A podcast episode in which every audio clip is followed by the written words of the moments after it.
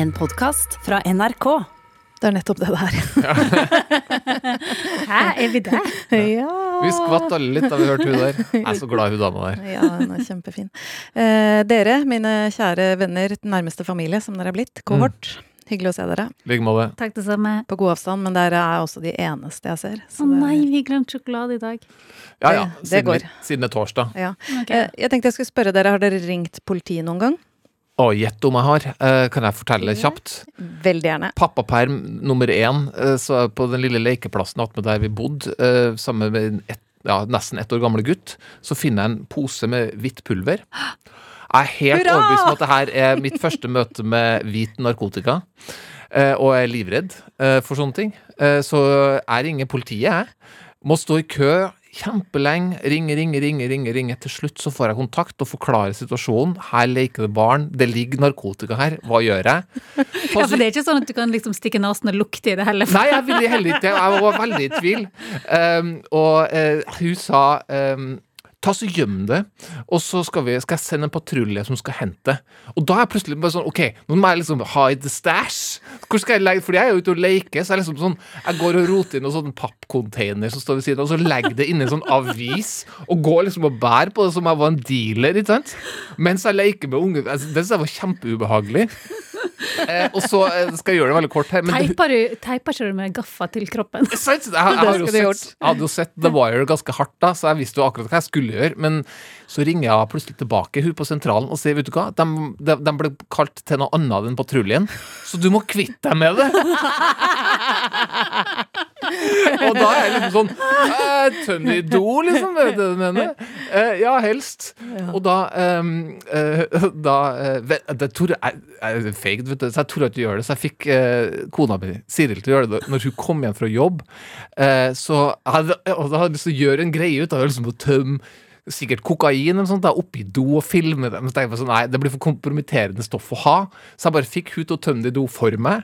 Eh, Men da måtte jeg jo lagre det da i Lagre det stæsjet i leiligheten noen timer til hun kom hjem. Altså, jeg bare, jeg, pulsen var høy. Men jeg hadde fått beskjed av politiet om å spyle ned eh, dop i do, og det, da var det, Det lov. jeg. Jeg tenker Tenk millionen du kunne hatt. Ja, ja. ja, ja. Men Jeg tror jeg hadde vært kjemperedd for at det de som eventuelt hadde det stæsjet, de skulle se meg ta det og Ja, liksom gå etter meg. Alt gikk gjennom hodet mitt da. Men de fant aldri ut om det faktisk var dop. Eh, Nei, men det må da være en sånn liten sånn gjennomsiktig pose sånn, med akkurat en sånn Med bakpulver. Av og til så Ja. har jeg en liten gjennomsiktig pose med melis fordi jeg har bakt en kake som jeg skal ta melis på når jeg kommer på jobb. Som du legger på en Men liten det sånn er så typisk deg, Jean. Altså, er det mulig det er koselig? Det er maks koselig. Det kunne ikke ha vært noe annet enn Nei, det- der det lå og sånn. Nei, Ja, det var helt sikkert ja. Ok, jeg tenkte bare å høre litt om politiforhold, for at det, det er jo ingenting som føles mer betryggende enn å få hjelp av politiet hvis man er i en fæl situasjon. Og da, for deg var jo dette veldig fælt, eh, men det kan faktisk være fælere. Men det er heller ingenting som er mer skremmende eh, når de ikke er de hjelperne som man vil at de skal være. Derfor er det jo veldig bra eh, for TV og drama, fordi det ligger så mye konflikt i politirollen i seg selv. I tillegg så er det jo at det alltid står om en krise. ikke sant? Det er jo enten liv eller død, eller bare ro og ikke ro. Og vi skal snakke om politi, den tynne blå linjen. Eh, velkommen, eh, bienvenue, velkom eh, Oh. til podkast. Internasjonal. Ja, jeg eh, tenkte jeg skulle være internasjonal, for det blir jo språk i dag. Eh, vi skal jo da Ja, det blir politiliv, så er det hyttedrama og hebraisk thriller som vi begynner med. Ja, og da har jeg lyst til å hive inn et ord til, nemlig den erotiske thrilleren. Altså, hør på det. Jeg tenker, Husker dere Fatal Attraction? Altså Farlig begjær, Cruel Intentions, Basic Instinct, Wild Things, Sliver, Body of Heat. Det er en sjanger jeg forbinder tungt med 80- og 90-tallet og Sharon Stone. Eh, Jeg er hovedsakelig. Um, vanligvis er jo jeg ganske sjenert, det tror jeg du også er, Mona, når det kommer til sex på TV. Ikke noe, porno, ikke noe pornofan, men erotisk thriller, det, det Det det syns jeg er gøy. Vet du hva, det var så gøy. Jeg var så glad for at du tipset om denne. Jeg har jo da sett de tre episodene som ligger ute. Ja, det, det, altså, og hvordan oppdage at du ser på en erotisk thriller? Når var jeg skjønt at det her var erotisk thriller? Jo, det er liksom Kropp blir alltid framstilt som noe du skal se på og beundre. Det er ikke noe humor involvert. Folk, folk går lettkledd til enhver tid her. Høres Det er sånne fine neglisjeer og sånt. Ja, men det de veldig mye gjør, det er faktisk å gå i undisen. Altså, de bare åpner alltid døra hvis de ringer på, så Ja. åpner de underbuksa. ja, eller bare overkropp for hans del. da. Sjenerøse vinkler, mye megetsigende blikk, henførende smil, den type ting. Eh, Jeg trodde ikke at 2021 skulle så tidlig by på en israelsk, erotisk, psykologisk thriller. Så Som den gjorde. Ja, hadde mer sånn marsj, liksom. Ja. Men det, her er vi. Uh, Losing Alice. Jeg, jeg, jeg elsker den serien her av noen helt spesifikke grunner. Jeg vil kanskje ikke påstå at det er legendarisk TV, men den er hektende. Det er lett å se. Passe mengde mystikk, spenning, erotikk. og en vilt bra hovedrolle. Jeg syns hun spiller fenomenalt bra, hun som spiller Alice. Hun heter Ayelet Zurer. Um, hun har spilt i noen Hollywood-produksjoner. Uh, Man of Steel. Altså, jeg Ja. drev og ble helt sånn Ja, men jeg har intervjua henne! du har Men hvor har jeg intervjua henne? Wow. Men jeg er liksom litt usikker på om det, om det var Man of Steel, altså. Hun har spilt der. Ja, så, ja. Men hadde hun ikke sett ganske liten rolle? Det vet ikke jeg. Nei, Jeg, ja. jeg, så ikke meg Men det, jeg fikk jo gjerne de som hadde de små- rollene. Men hun er jo sykt bra. Ja, hun, hun er bra, så jeg lurer på hvordan hun var face to face, eller var du face to face med? Ja, det er jo det jeg har vært, men du vet eh, tidens tann. Men jeg er ganske sikker på at jeg har, jeg har vært det. Og hun, hun er jo akkurat så eh, vakker. Mm. Jeg klarer ikke å se for meg henne. Nei, det skjønner jeg godt. Altså, du må nesten bare google det, eller se, se Lucy Alice, fordi eh, Ja, nei, men hun har et helt eh, enestående tilstedeværelse. Jeg tror på all mimikken, alle hode, hodebevegelsene, alt hun gjør, er veldig bra. Eh, men altså, ja, også er det også sånn at episodene har veldig sånn lada titler. The Encounter, The Visit, The Bond, The Obsession. Det er liksom Du skjønner hvor det her eh, bærer hen. Men OK, skal sette litt av handlinga, kanskje, før vi, før vi bare grafser litt mer i det. Um, hun er da en trebarnsmor. Hun er vel slutten av 40-årene cirka, Mona? Skal vi si? Jo, absolutt i slutten av 40-årene. Ja, absolutt der. Um, har en karriere som regissør som står helt i stampe. Hun var en sånn litt big deal for en stund siden. Nå er det mye sånn, litt sånn undervisning og skriver litt på et manus når hun får tid iblant. Um, og det er liksom det er mannen som er skuespiller som får all oppmerksomheten når han går på den røde løperen. Hun må liksom vente til bildet er tatt. Det er litt den følelsen der. Um, og så uh, møter vi henne når hun sitter på toget og drømmer seg bort og, og tenker på det manuset hun gjerne skal bli til neste film, uh, på vei hjem. Og så er det en ung kvinne som tar kontakt. Um, og hun presenterer seg som Sophie, sier at hun er stor fan av Alice som regissør, og er med en gang veldig sånn Vi skal snakke sammen nå, nå er det oss to. Og bare sånn eh, Hun der Sophie er såpass ublyg at hun til og med spør om du, doet på toget er litt sånn i stykker, i hvert fall døra. Gidder du å stå og holde vakt eh, mens jeg går på do? Vi kan høre et lite klipp av det. בדיוק עכשיו סיימתי לכתוב את התסריט לסרט הראשון שלי. אה יופי, מזל טוב. האמת שהחלום שלי, שבעלך ישחק בזה. כן, הוא... הוא מושלם לזה. פשוט בול. אז את יודעת, אמ, שלחי לו, כי הוא, אם הוא פנוי והוא בין פרויקטים, הוא עושה עדיין דברים כאלה. כן, כבר שלחנו לו את התסריט והבנתי שממש עף לו הראש. שזה די מדהים, לא? שעף לו הראש.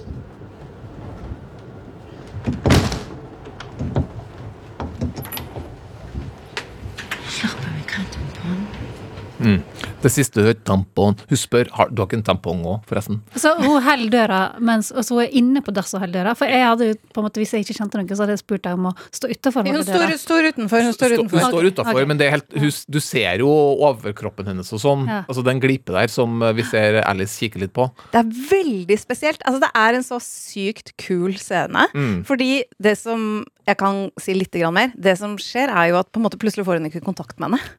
Altså, det, hun sier liksom 'hei, jeg må gå av, jeg må gå av', så er det bare helt stille. Ja. Og da bare oh, do, do, Det er så mye der, Fordi da har hun liksom invadert henne på toget og fått henne til å stå utenfor do mens hun tisser, og så bare Hva skjedde nå? Ja. Og Alice hun er jo en, en, hun reagerer jo sånn som vi ville ha gjort. Litt sånn OK, du kan snakke med meg. OK, jeg kan kanskje stå ved døra di.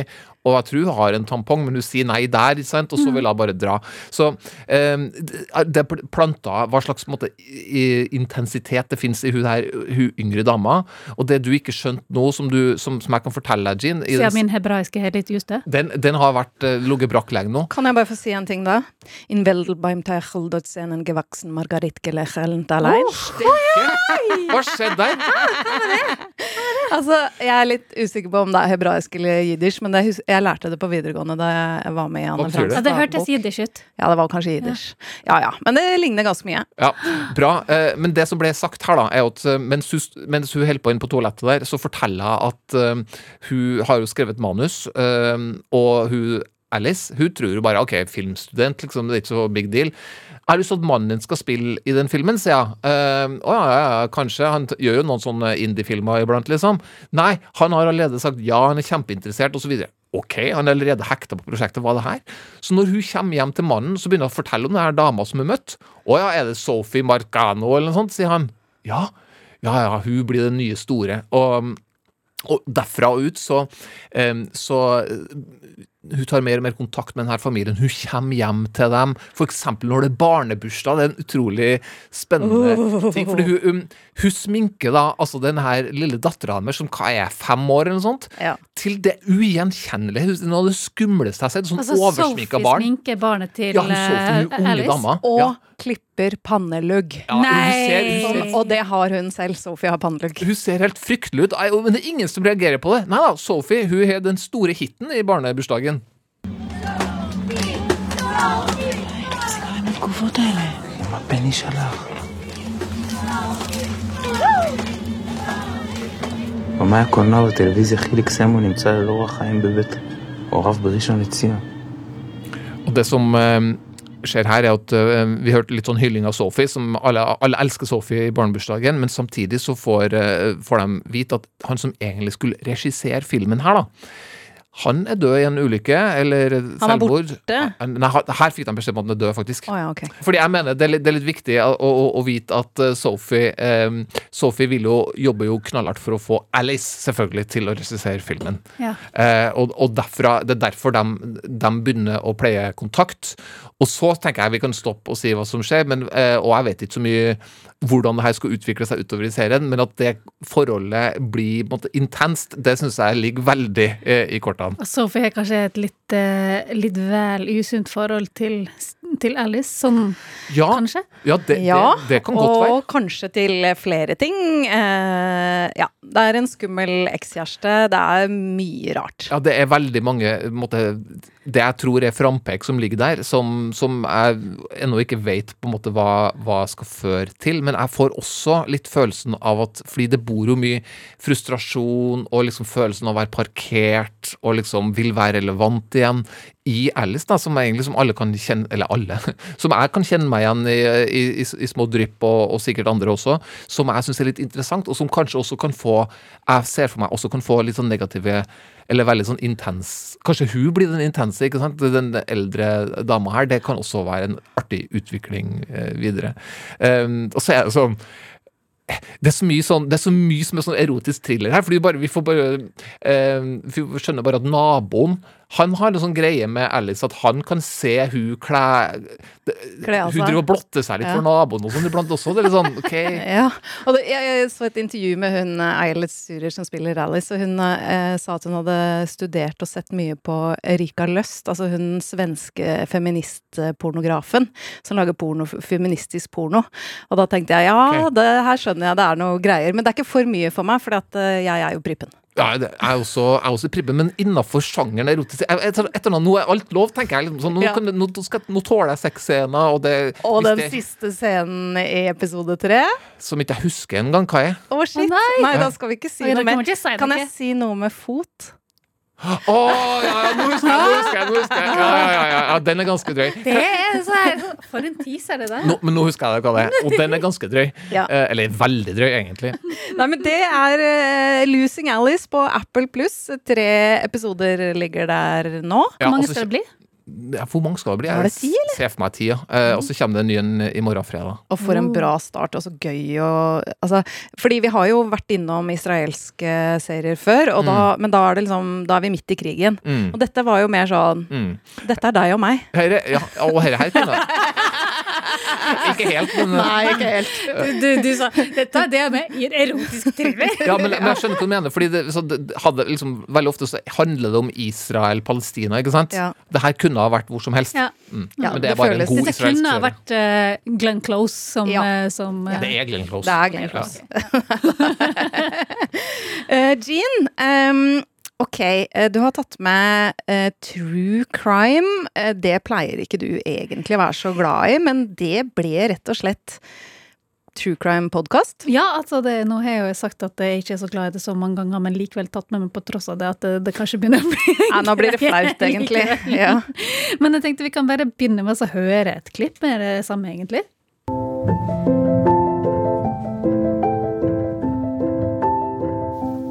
Høsten har kommet til Tjøme. Det blåser og det regner. Akkurat i dag ser det ut som et hvilket som helst annet sted i Norge. Men lukker du øynene, kan du fortsatt drømme deg tilbake til late sommerdager ved Oslofjorden. Bading fra svabergene, måkene som svever over bølgene, lyden av motorbåter og glad stemmer. Men det er noe som ikke er helt som det skal være på Sommerøya.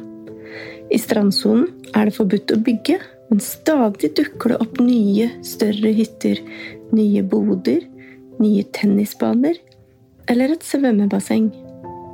Noen har fått lov, andre har tatt seg til rette eller fått hjelp til det.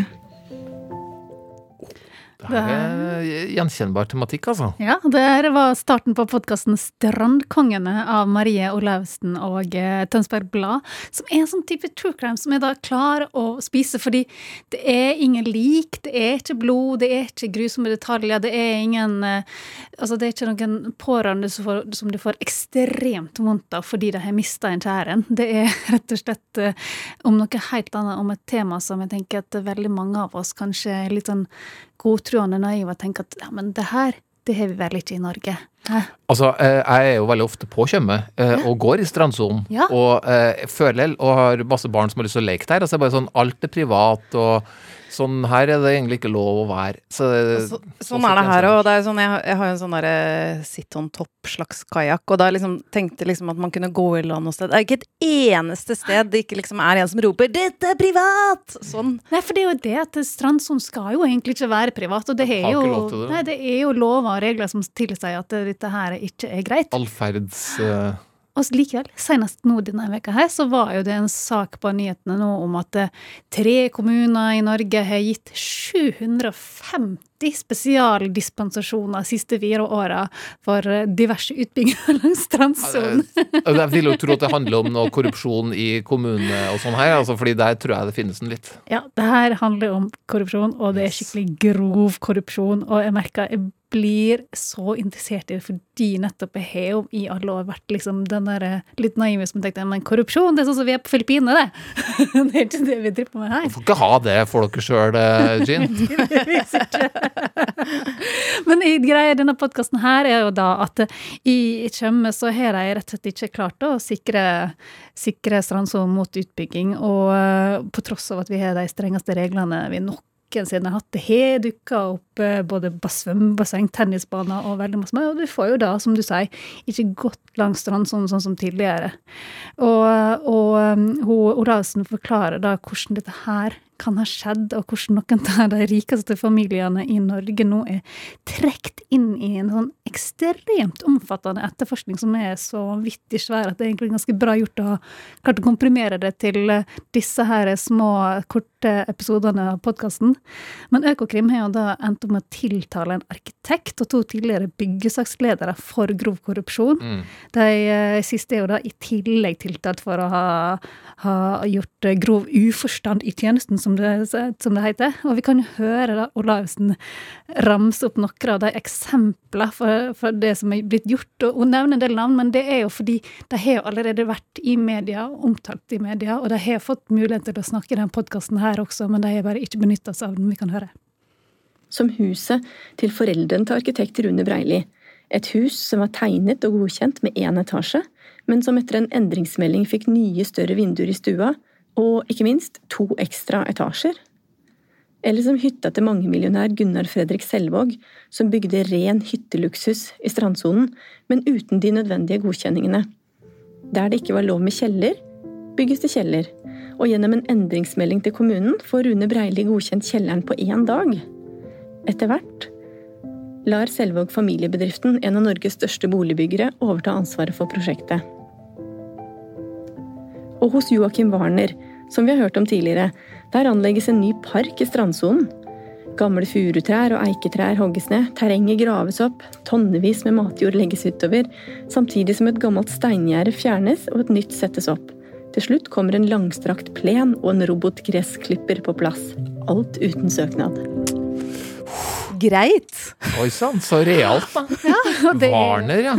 Han, ja. Dressmann-gjengen, ikke det? Jo, jo. Ja. Det er jo det er helt absurd hvor masse ting folk setter opp uten å egentlig ha lov. Det, og jeg skjønner fortsatt ikke hvordan man er klart å tørre det. Jeg blir så glad bare jeg hører at noen tar tak i det her, fordi det er sånn som jeg går og irriterer meg over eh, som privatperson. Og så handler det jo ikke bare om altså det handler ikke bare om at strandlinja blir borte. Dette er jo også alle de der hyttene. Det er jo noe drama i alle de der hyttene som blir borte.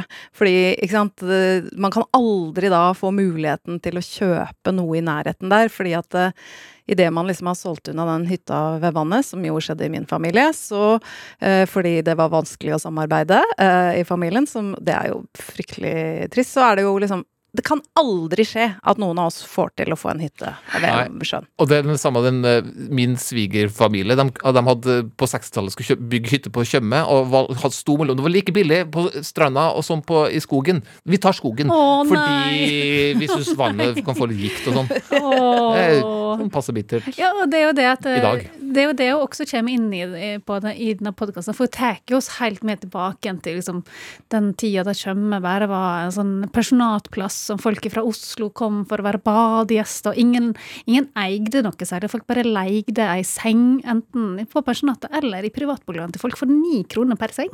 Å, ni kroner. Det hadde vært så deilig å bare kunne gi for ni kroner nå. Nå får du fem plastposer for ni kroner. Ja.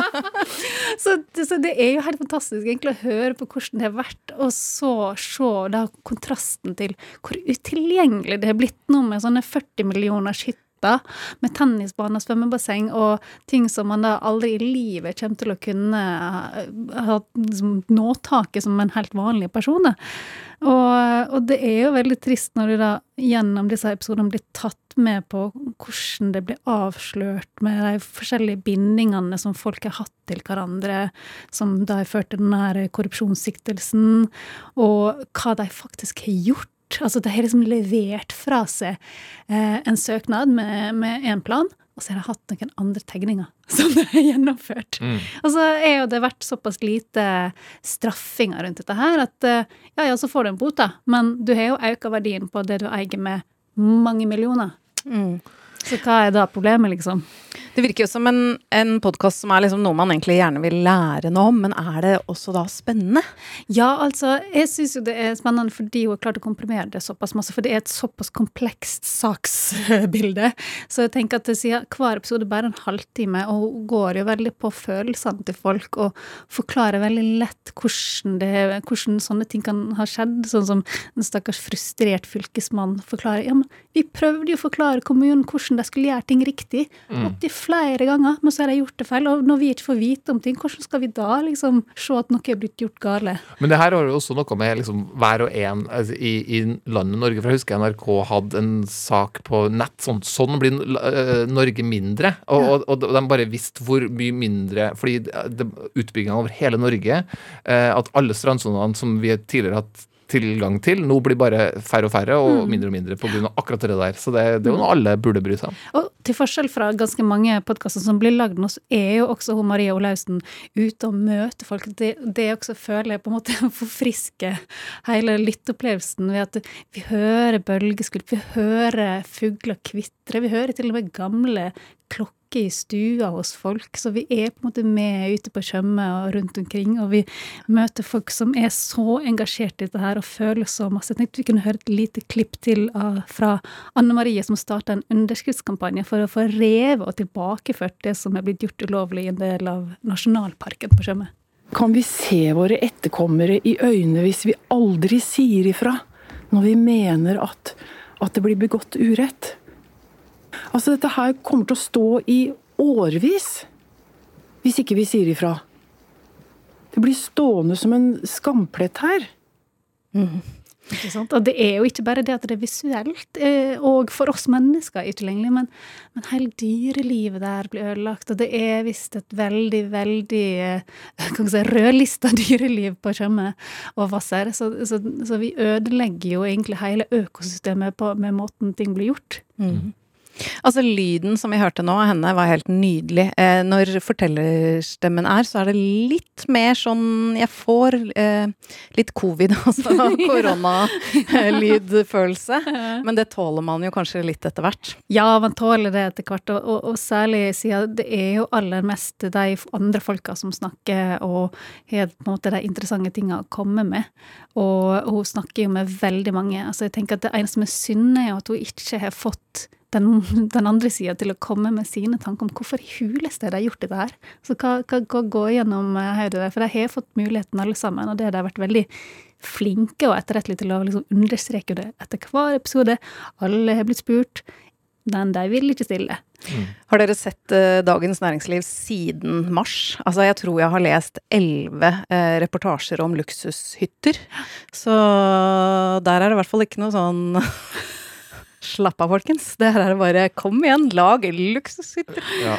Men det er jo, altså jeg vil si at jeg syns Tønsberg Blad har gjort et veldig grundig journalistisk arbeid i denne her, og, det, og, og, som gjør det på en måte litt mer sånn lettfattelig uh, for meg, i hvert fall, enn å måtte lese 100 artikler om det. Ja. Podkasten 'Strandkongene' av Marie Olaussen og Tønsberg Blad finner du jo da der du foretrekker å høre dine podkaster. Takk, Jean.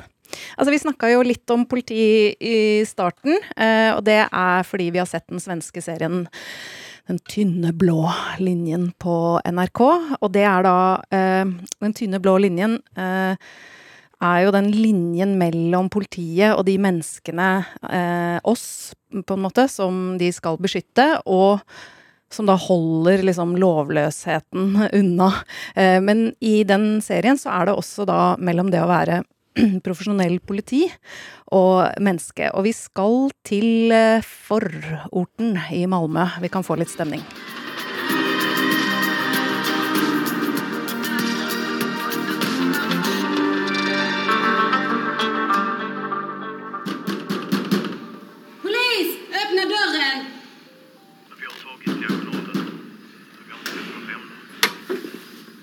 Öppna dörren! Backa! In, in i lägenheten. Gå in. Polisen, sitt ner. Polisen, sitt ner! Kvinnor i köket! Man kan ju explain. En kvinna vardagsrum. I haven't done anything. No, I know. We are here to help you. You have nothing to worry Polis, about. visa händerna. Lägg dig ner på golvet. Her er vi midt i en uh, razzia. Det bor fem eh, kvinner i en leilighet som da tydeligvis er blitt utsatt for menneskesmugling, og så er det et barn der da som blir eh, tatt av politiet. Og det er ganske hjerteskjærende. Åh, det er så vondt, vet du. Eh, og det, barnet blir da gitt i barnevernet og sånn. Og i den tynne blå linjen så følger vi jo eh, politihverdagen da, og politibetjentene i Malmö. Veldig sånn realistisk, eh, dokumentarisk filmet. Eh, de er i ordenspatruljen, og da følger vi flere eh, politibetjenter, men i starten mest den nyansatte Sara. Eh, hun har et ja, hun har veldig hjerte for, eh, for, å hjelpe. Altså Det kommer fram etter hvert at hun også er kristen, hun synger i kor. Og så får hun da eh, patruljepartneren Magnus, som er litt mer sånn dreven type. Eh, jeg tenkte vi kan høre et klipp først, fordi de har nettopp da hatt en utrykning, en brann i en leilighet hvor det er noen barn som er aleine hjemme. Eh, og så blir de små barna kjørt på sykehuset, mens de kjører jenta Melanie til skolen. Og Sara er jo da sånn hyggelig og begynner å prate med jenta og forteller at hun er ny. Jeg kan ikke stan än. Jeg er ny på jobbet. Det er knapt jeg finner et sted jeg bor. Så ille er det. Det er precis der bakom det gamle vattentornet ved, vid Södervärn. Kuken. Det kallas så faktiskt. Vattentornet. Det är helt vedertaget. Okej, ja men då, då bor jag tydligen bakom kuken. Du vet, du kan prata med dem på skolan.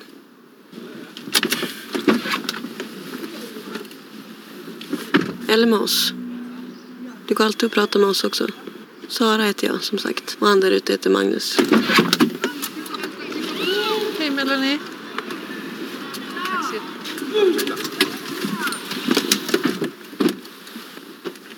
Om du ska engagera dig i varenda knarkarunge så blir det inte långvar på detta jobbet kan jag säga. Du, lite kollar jag. Hon var ju inte påverkad. Nej, inte nu nej. Ja, jag tycker inte man ska döma människor innan man vet. Absolut, absolut. Nej men du har rätt ju. Jag har nog ingen jävla aning vad jag snackar om. Eh, var Malmö nesten hebraisk, eller gikk det?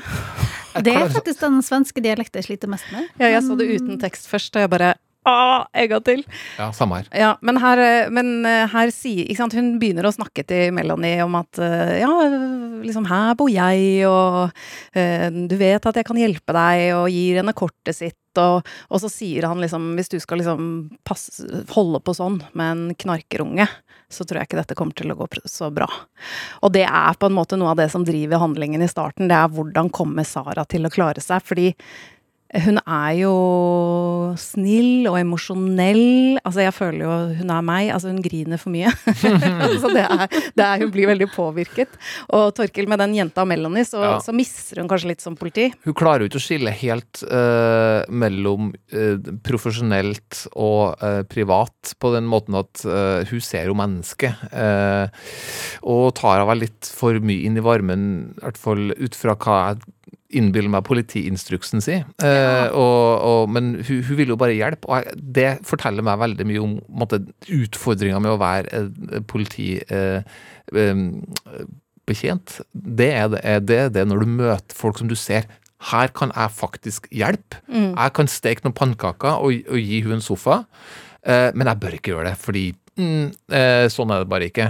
Og så tenker man liksom 'Å, så fint at hun gjør det', og så bare 'Å nei, så jækla dumt at hun gjør det. Ja, men det, det er jo kanskje en av disse situasjonene der det er liksom veldig lett å være teoretisk pragmatisk, men utrolig vanskelig når du står i den situasjonen og du ser noen med store øyne se på det og trenger hjelp. Ja. Ja. Og jeg har ikke sett mer enn at foreløpig så blir bare liksom Jeg opplever liksom spørsmålet blir reist. Er det her riktig å gjøre? Og jeg, jeg har ikke sett noen svar hva den, hva den serien her forteller meg er riktig å gjøre, men uh, det Den er ganske god grunn på å ikke egentlig si det åpenlyst, men man skjønner at de hele tiden står i etiske dilemmaer. Ja. Hele tiden står i en skvis, og det blir mindre og mindre. En av virkemidlene i serien er at vi får se Twitter.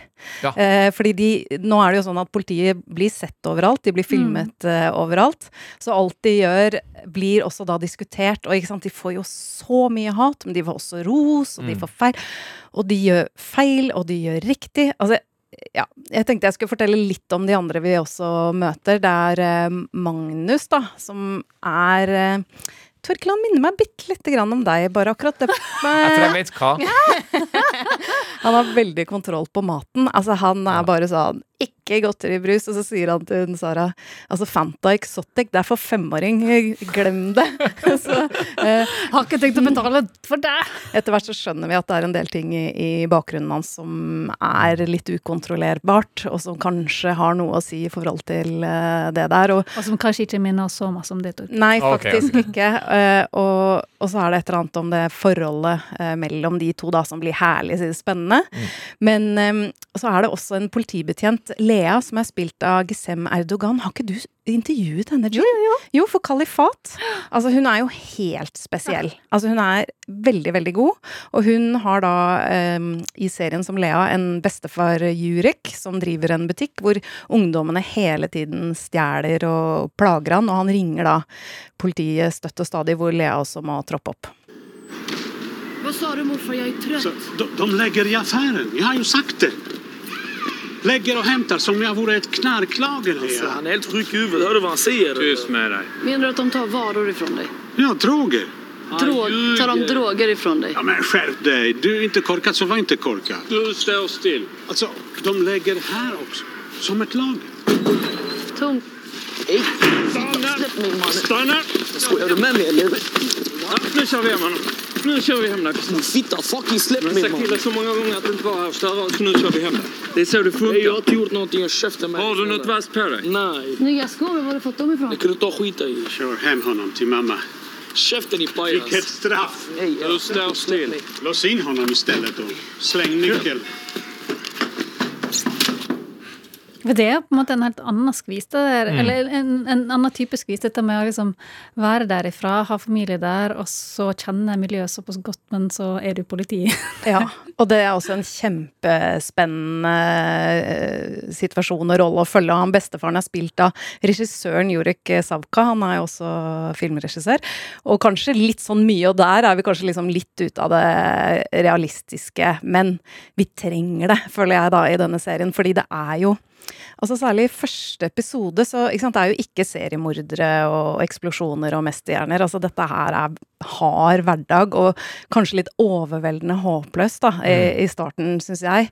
Det er liksom det de kaller svenske tilstander. da, Det er drabantby med høy kriminalitet, og det handler om integrering, etnisk profilering. altså Sånn som han gutten her, da, som, som, som vi hørte, så sier de 'Å, du har så fine sko', og så drar de hjem og sjekker om han har stjålet skoa, og da har moren kjøpt de skoene, ikke sant. ja. Så hele tiden, og så har det vært et, noe som de tror er et terrorangrep, og da driver de og liksom slenger barn med innvandrerbakgrunn i bakken, ikke sant, fordi da har noen sett dem liksom med pistol. Ganske mye liksom eh, mørkt eh, og, og vondt, men samtidig også ekstremt menneskelig. Altså, man kan jo på en måte gi litt triggerwarning, for etter hvert så blir det ikke bare sånn sånne situasjoner. Altså det er jo liksom Det er vold og rus, og det er eh, så, selvmordsforsøk og så man, Altså, jeg gråter, men så ler jeg, og så syns jeg det er veldig bra samtidig. Og så er det det hele tida eh, Kanskje vi trenger å vite litt om faktisk hva det går ut på, eh, sånn å, å, å ha en jobb som de her har, da. Mm. Når, du er, når, det er, når du er på gata og du møter da folk som står i det. Eh, Mm. Så, så jeg, jeg får jo mer respekt, i hvert fall gjennom å se denne serien for dem som eh, jobber med den type ting i politiet. Ja, fordi den har jo fått, altså den har fått utrolig bra anmeldelser, og i Sverige er det en kjempesuksess. Altså den har fått kjempehøye seertall. Men noen har jeg sett i Norge har skrevet liksom at de syns det er for, en, for liksom rosenrød uh, maling av, hva heter det, av politiet, da. At de liksom blir hyllet litt vel mye. Mm. Mens jeg bare hm, nei, altså det, det føler jeg ikke. Jeg føler at det gir en større forståelse, men de tråkker jo også feil. Ja, de tråkker så feil av og til. og er ja, ja, så det er liksom ikke Jeg føler ikke at de, de, de er eh, liksom rene helter, da. Mm. Og vi prøvde jo faktisk å få en, eh, en politikvinne til å komme i, i, til oss i, i radioprogrammet, da, for å liksom snakke om denne serien, fordi det var gøy å høre hva de, hva de eh, sier selv. Men eh, nei, da var det munnkurv. Men kanskje noen har lyst til å skrive en e-post til oss? Ja, det var Ja. det jeg tenkte, at kanskje noen som er politi som hører på, kunne si liksom hva, Å, hva de kjenner seg igjen. Hva kjenner du deg igjen i? Hva liker du med den? Er det noe som er dårlig? Det er innmari gøy for oss å høre, så da kan du skrive til kulturstripa krøllalfa nrk.no.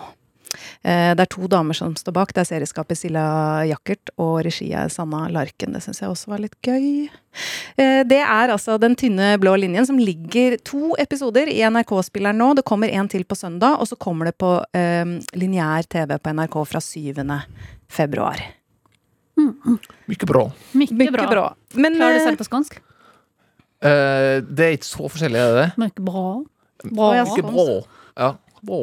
Det var sjukt vanskelig uten tekst. Altså, det var verre enn hebraisk. Samme her, altså. Jeg strevde med det. Jeg så også uten tekst. Men eh, jeg har hørt nok Bob Hunt at det gikk bra. Ja, heldigvis. jeg har av og til sånn samtaler med en, en, en kompis av meg som er fra Malmö-området, der jeg tar meg sjøl i å nikke og smile, men ikke egentlig skjønner alt. Alltid. Det er Sånn som du gjør når du snakker med meg. Ja, ja. Hyggelig. Eh, Torkel, du begynner med musikk. Vi skal ha musikk. Det her er et uh, veldig friskt band uh, fra Brighton i Engl sørkysten i England som kommer med et album i morgen som heter Written and Directed. Uh, virker som en utrolig frisk dame i front som heter Izzy B. Phillips. Som Izzy B? Izzy B, som beskriver musikken sjøl som vaginarock, som er hennes ord, det. Eh, Det er et band som alltid velger mer hvis de har muligheten. Hvis de skal, ha, hvis, skal vi ha blåserekke eller ikke? Alltid ja. Skal vi ha et ekstra riff? Alltid ja. ja.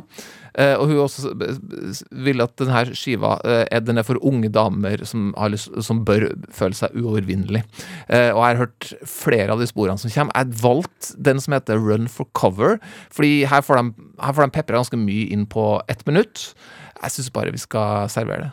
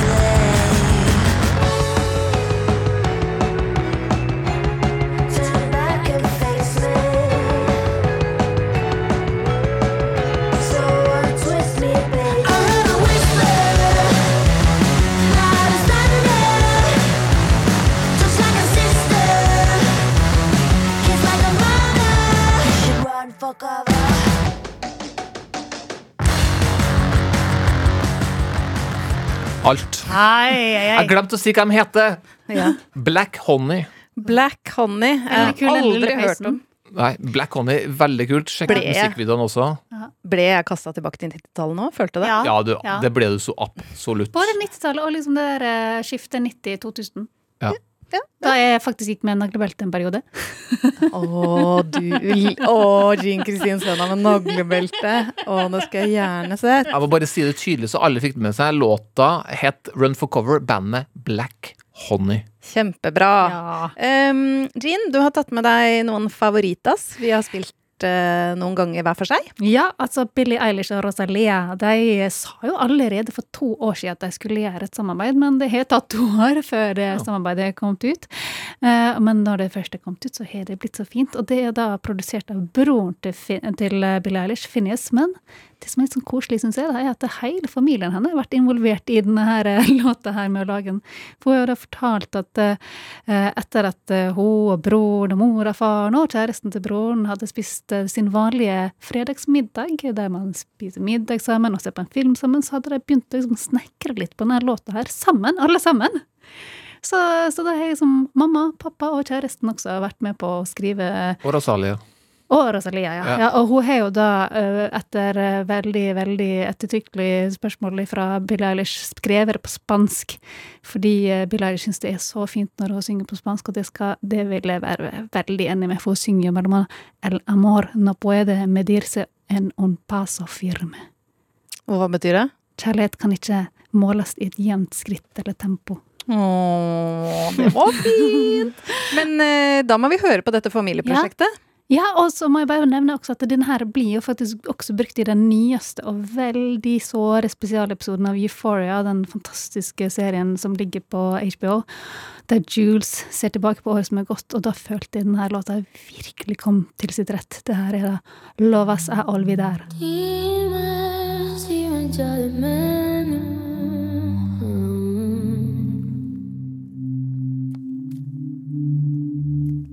Dime si no me perdonas.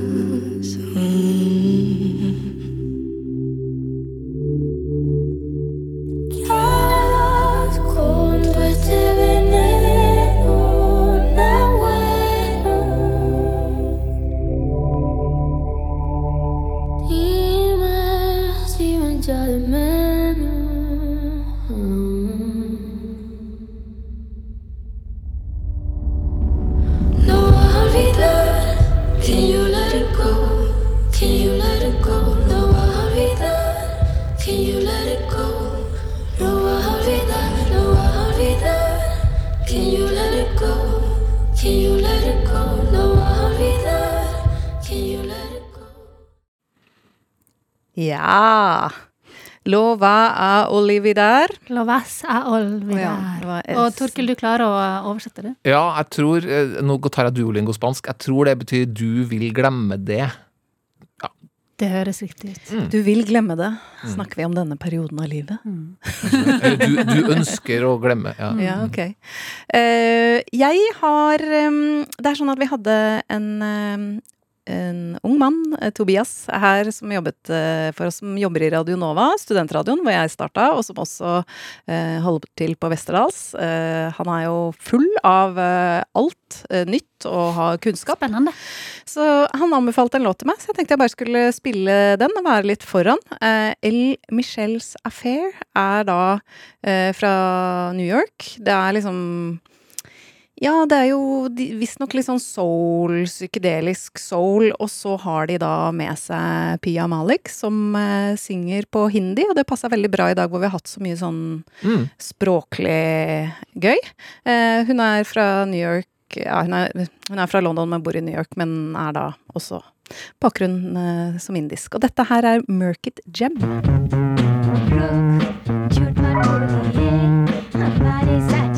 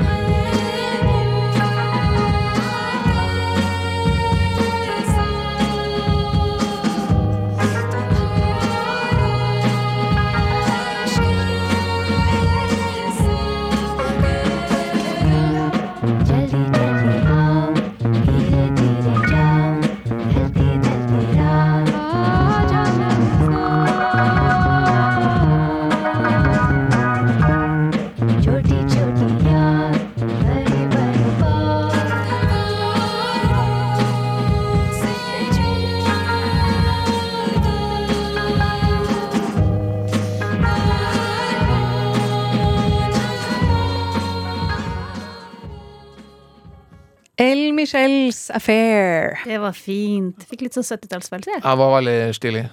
Bra Tenk tips. 2021, sier jeg dere. Dere, eh, tusen takk for eh, podkastsending i dag. Send oss eh, respons på e-post, da. Det tar vi alltid imot. Kulturstrippa krøllalfa.nrk.no. Og legg igjen en anbefaling der du henta podkasten også, så hjelper du andre å finne oss. Nå var vi oppe i 100. Det er jo skikkelig stas. 100 små anmeldelser, det, det er bra. Kan jeg få hilse til Linn også, som sendte inn at hun eh, eh, er glad i svenske serier. Og nå fikk Ja. vi anbefalt en svenske i dag, og så har hun bedt oss sjekke svenske serien Dips. Det skal gjøre det. Mm. Ha det fint, god helg! Ha det. Ha det. Du har hørt en podkast fra NRK. Hør flere podkaster og din NRK-kanal i appen NRK Radio.